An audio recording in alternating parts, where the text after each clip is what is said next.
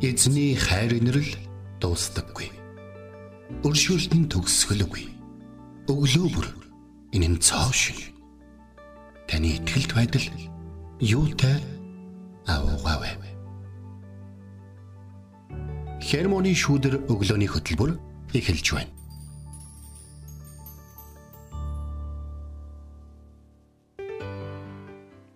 Шинэ 7 өдрийн мэнд. Шинэ 7 өдрийн мэнд. Итгэл радиогийн эфирээс хермоны шүдэр өглөөний хөтөлбөр инхөө эхэлж байна. Эфирт пастор Сайна болон хөтлөгч Бэлгэнаар ажиллаж байна. За тэгэхээр бурхны нэрийн талаар бид ярилцаад эхэлснээс хойш яаж юм гэхээр. За өнөөдөр ингээл нөгөө орчлын ертөнцөг бүтээсэн бурхны талаар гэсэн чил өглөө босоод надад бол тэгж бодогдлаа ш.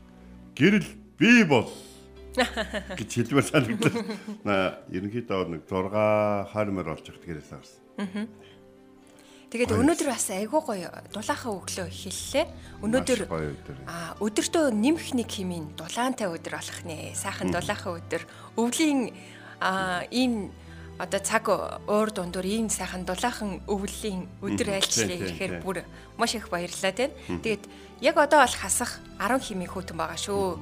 Өдрийн 1 химийн дулаанд тэг хууртаад бас нэмгэн хувцалж гарч болохгүй шүү тий. Гадар бас ханаад нилээ ихтэй хэлээ. За тэгээд Хермоны шүдэр өглөөний хөтөлбөр маань өнгөрсөн 7 хоногийн турш Бурхны нэрстэй танилцж Бурхан гэж яг хинбэ гэдгийг бид нэг бүрчлэн судалж байгаа тийм. Тэгээ өнөөдөр бас үргэлжлүүлэн үзэх болно. Тэгээ өнөөдөр бидний Бурхны нэртэй танилцах нэр бол Элохим гэдэг нэртэй танилцсан. Энэ бол бүтээгч Бурхан гэсэн утгатай байгаа тийм.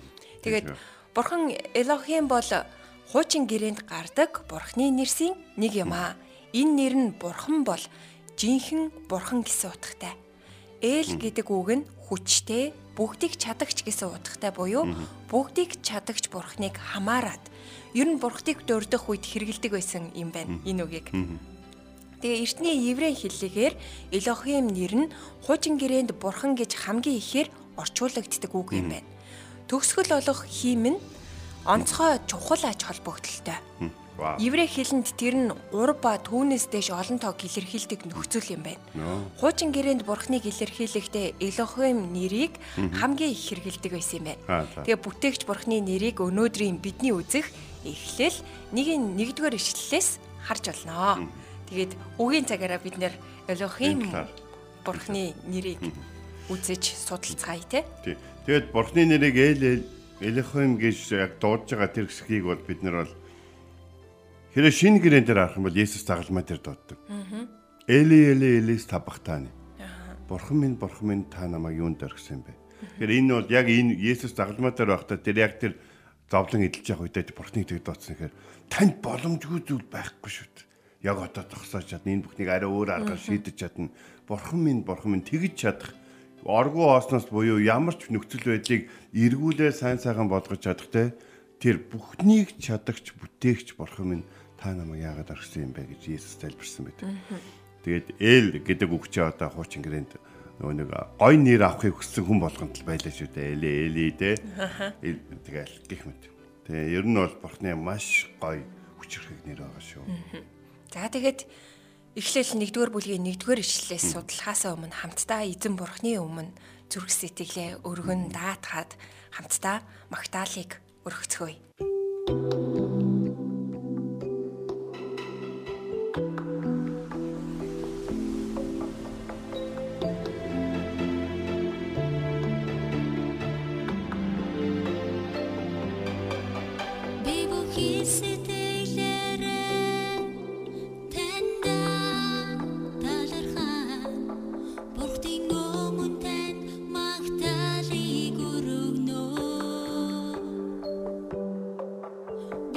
Gül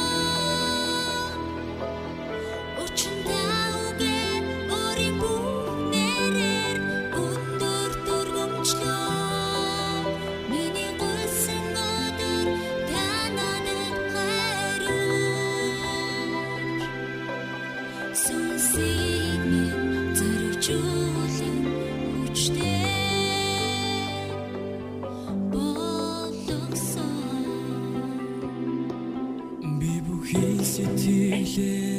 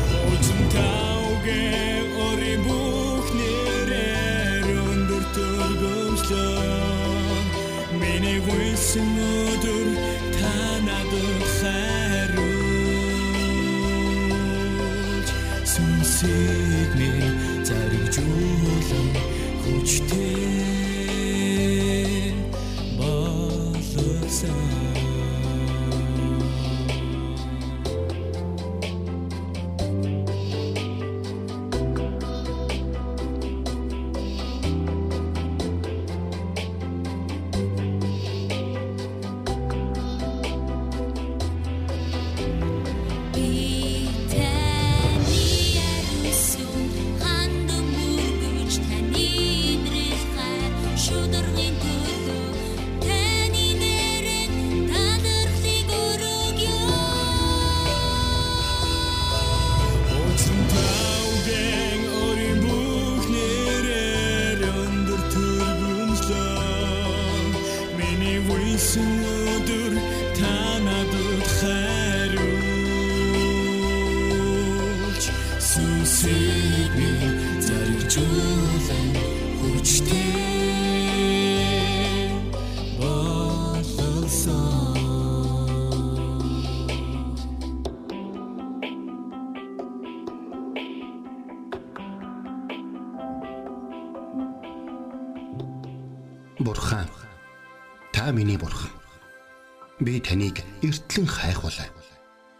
Усгүй хоорой ангамл газарт сэтгэл минь танаар сангаж би махбат минь таныг хүсн тимүүлж байна. Дуурал 63-ийн 1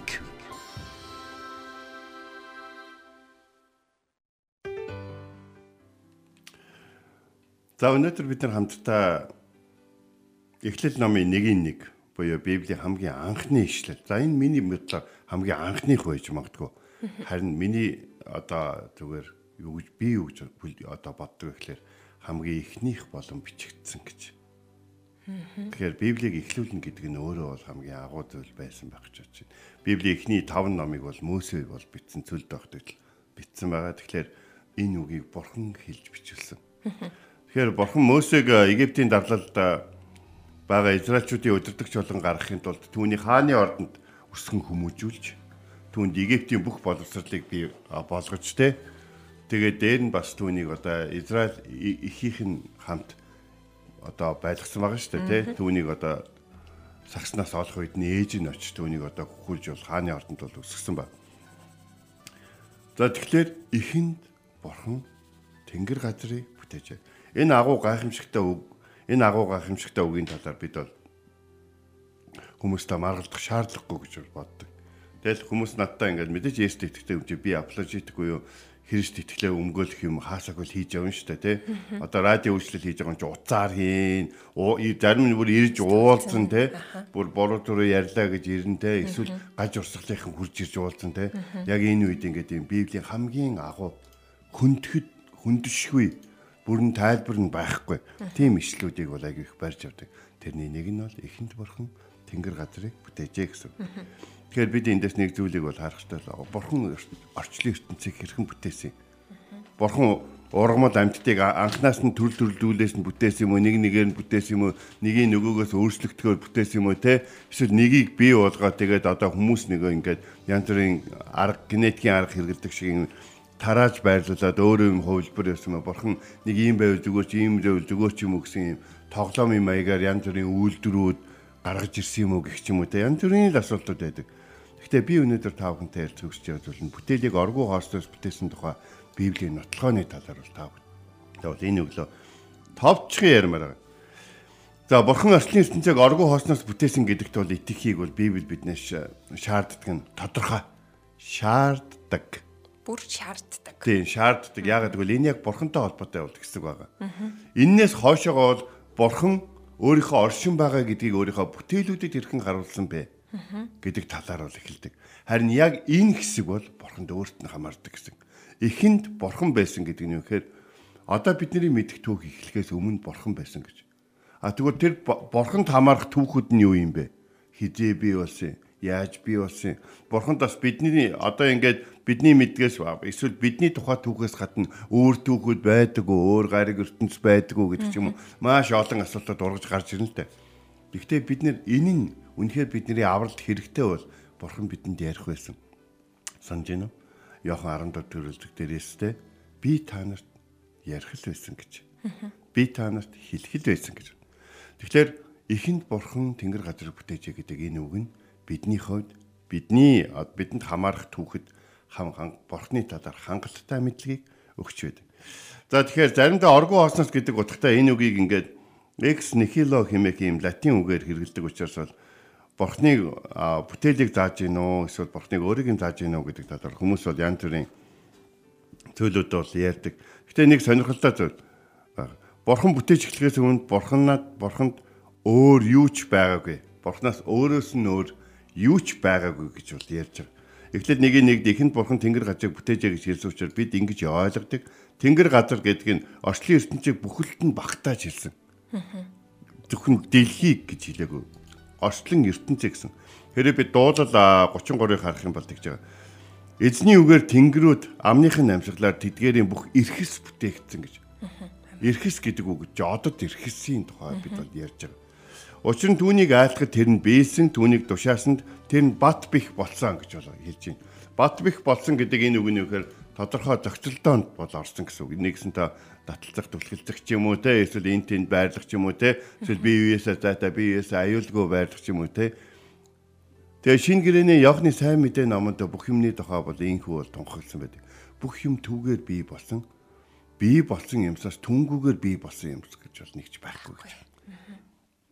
Тэгэхээр бүх юмс гэдэгт мэдээж орчлын ертөнцийг бүхэлд нь хамруулах нь хамгийн бол юм зохистой байгаа. Тэгэхээр бид нэг ийм зүйлийг аяguсан бодох хэрэгтэй. Хамгийн наадлын од руу бид нэр явах чинь маш их удаа шүү дээ, тий. Гэхдээ нэг одыг ашиглаад мэрэгдэд Есүсийн байгалийн газрыг бурхан зааж гисэн байна. Тэгэхээр хамгийн наадлын одноос дэлхий өөрөө асар жижиг гэн. Тэ? Гаригаас Тэгтээ нарны гаргаас өөр гаргийн тухай яриад шүү дээ тийм.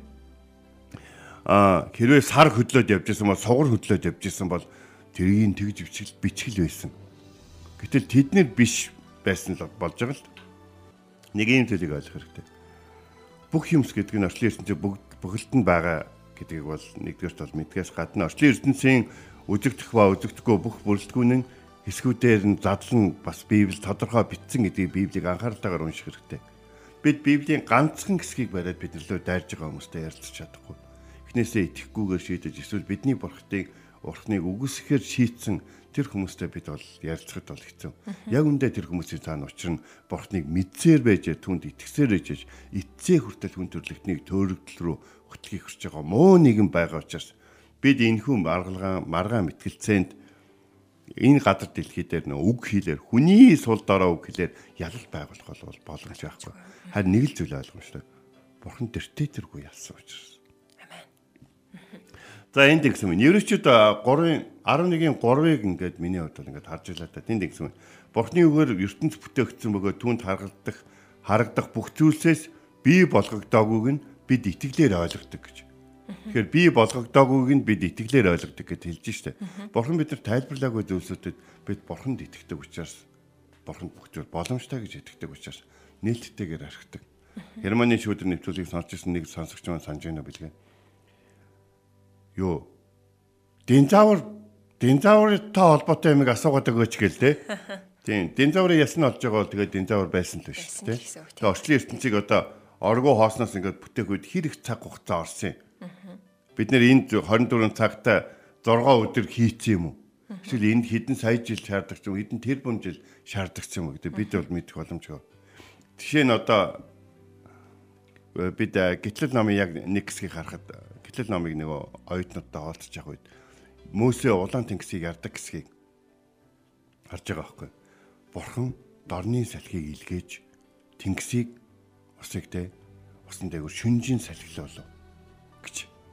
Тэгэхээр энэ юу гэсэн үг вэ гэхээр за, дэлхийд нөгөө нэг нойтон хэсэг буюу мэдээд нөгөө шаар байгаа шүү нойтон хэсэг. Тэгээд Израильчууд тэгээд Египтээс тэр олон настай хүмүүс хүмүүс хон ямаа мамаага туугаад тэ усан байхгүй болсон ч гэсэн тэр зузаан нойтонд нойтон усан дэг одоо хөрсөн дээгүүр алхах боломжгүй шүү. Тийм учраас бурхан дорны салхиар шүнийн туршид тэдний явах замтаа тэр хэсгийг хуураа болтол хуу татсан байгаа байхгүй. Тэгэхээр дадаа дэлхий бол бидний яриад байгаа шиг тийм урт настай биш.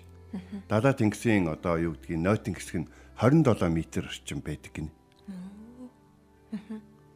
Хэрвээ энэ дэлхий бидний мэдээд байгаа шиг тийм өндөр хэдэн тэрбум тийм өндөр ингээд настай юм бол энэ ийм юу байх боломжгүй гинэ. Нимгэн нимгэн байх боломжгүй. Тэгээ бас нэг зүйл нь бо- бүтээгчийн учраас тэр бүтээлдээ ямар өөрчлөлт оруулахыг хамгийн сайн мэдж байгаа гэж. Хэрэг Библийг хин нэгэн хүн бичсэн бол салхи хэрэглээд нойтон гэсгийг хуу дотаа тэрүүгээр нь хүмүүсийг гаргана гэдэг те энэ бүх зүйлүүдийг болоо юу гэдгийг бодод тооцоолж гаргана гэдэг нь NASA шиг том байгууллагаас хэтэрсэн хэрэг байгаа байхгүй. Тэгэхээр цөлд явжсэн зүгээр нэг одоо хүмүүн төрлөختний дүгээр жижиг аймгийн удирдахч хүн те ийм агуу зүйлийг гинтхэн ойлгоод ингээд цөлд ингээд битсэн гэдэг юм бол энэ бол боломжгүй зүйл болж байна.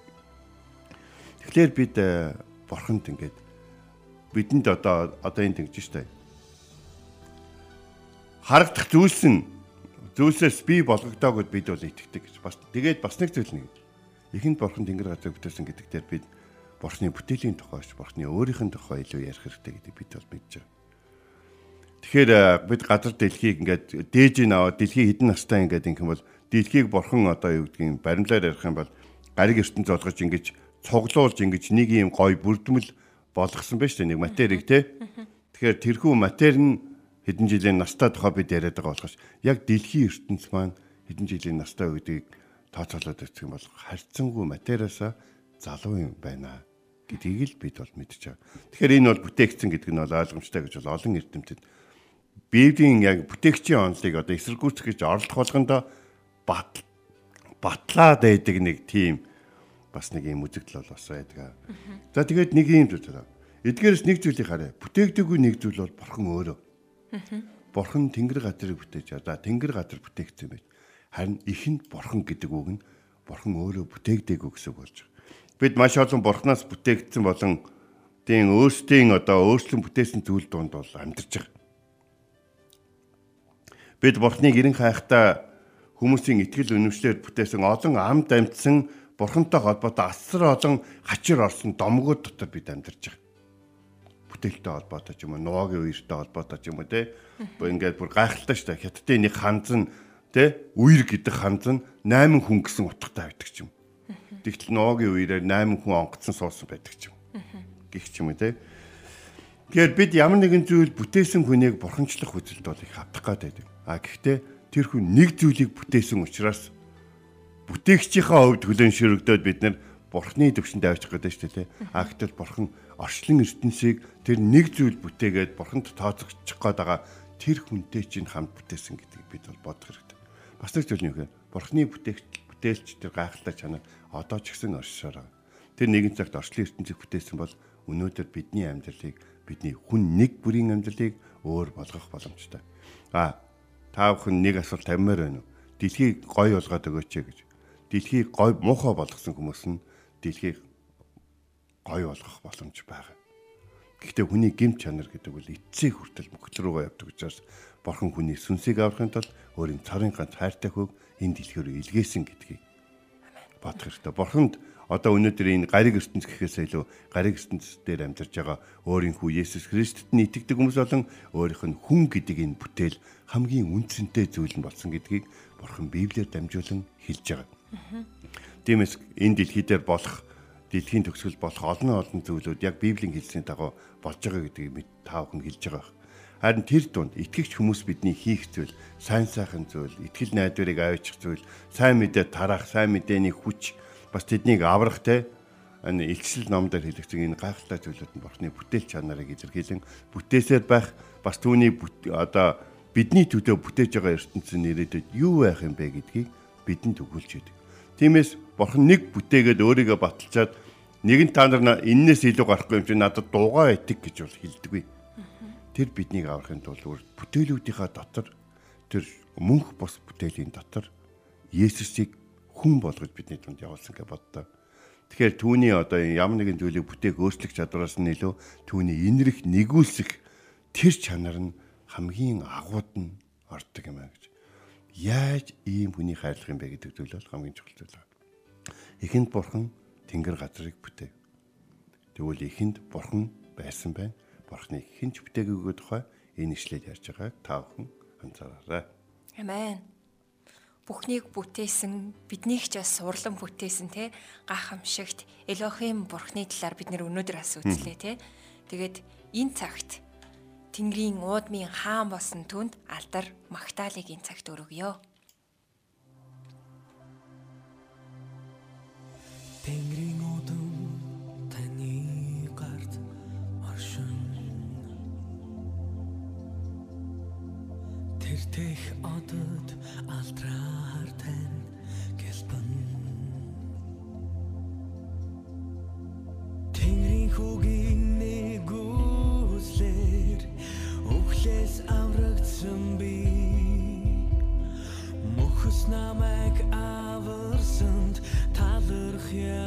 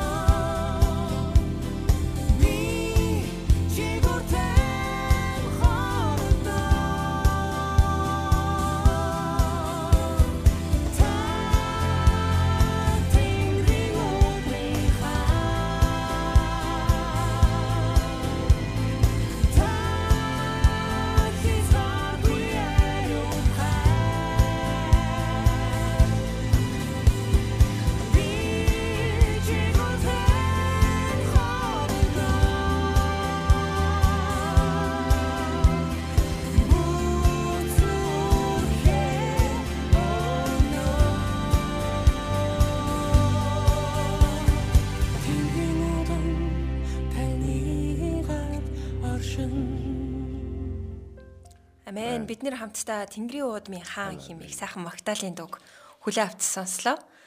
Колосе номын 1-р бүлгийн 16 дугаар эшлэлд учир нь түүн дотор тэнгэр ба газар дах бүх юмс, үзэгдэх ба үл үзэгдэх юмс, хаан ширээнүүд, эсвэл ноёрхлууд, удирдлагууд, эсвэл эрх мэдлүүд ч бүтээгдсэн. Бурхан бүх зүйлсийн бүтээгч юм бол хэн бидэнд амь өгсөн бэ? Мэдээж Элохим. Юуны тулд бид нэр бүтээгдсэн бэ? Түүний төлөө. Бидний хүн нэг бүр нь бурхны алдрын төлөө бүтээгдсэн цорын ганц бөгөөд давтагдашгүй бүтээл юм а. Тэр бидний эргэтнүүдийг хэлбэртэй болгож эхийн минь хөвлөд бүрдүүлсэн. Бид гайхамшигтайгаар бүтээгдсэн түүний бүтээлүүд илээ. Түүний бүтээл болсон бид Элохим бүтээгч бурхандаа яг одоо талархан залбирцгаая. Орчлын ертөнцөг бүтээсэн агуу эзэм танд баярлалаа. Та бүтээгч учраас бид энэ дэлхий дээр мөхөж байгаа болоод бид энэ өөрсдийн амьдралдаа урууд нь дороотож байгаа, хэцүү болж байгаа, алдагдаж байгаа, эсвэл эвдэж сүйдгсэн зүйлүүдээ харахтаа хэрэг бурхан зөвшөөрвөл энэ бүхнийг дахин хийж болно гэдгийг бол бид ойлгодог. Есүс эзэн минь та энэ дэлхий дээр хурж ирээд бидний дунд амьдарч бидний төлөө загалмаадаар хадагдаг алгахдаа бидэнд захиж үлдээсэн зүйл байгаа. Миний дараа нэгэн туслагч ирнэ. Тэр туслагч та нар дээр ирэх үед та нар над миний бүтээснээс ч илүү зүйлийг бүтээж чадна гэж хэлсэн. Гэхдээ эзэн минь бид бол таны бүтээлүүдийн хувьд таны хайрыг татсан боловч бид бас сул дорой хүмүүс. Бидний амьдралыг шинээр зохицлон бүтээж өгөөч. Оюун бодлыг маань, үг хэлийг маань, харах нүдийг маань, хийх хандлагыг маань энэ амьдралд таны бүтээлч чанар, таны бүтээсэн бүхнээр бид гойж гэрчилж амьдрахыг хүсэж байна. Эхэнд та оршин байсан, та үргэлж оршин байх болно. Танд алдрыг өргөн, таны хайртай хөө бидний эзэн Есүсийн нэрээр залбирэн гуйлаа. Амен. Энт хүрээд хермоны шүдэр өглөөний хөтөлбөр өндөрлөж байна. Маргааш эргээд энэ цагта уулзцгаая. Эзэн таныг Харж хандах болтугай. Эзэн зүрхийг чинь бурхны хайр ба Христийн төвчөрт чиглүүлэх болтугай. Хермоны шүүдэр өглөөний хөтөлбөр танд хүрэлээ.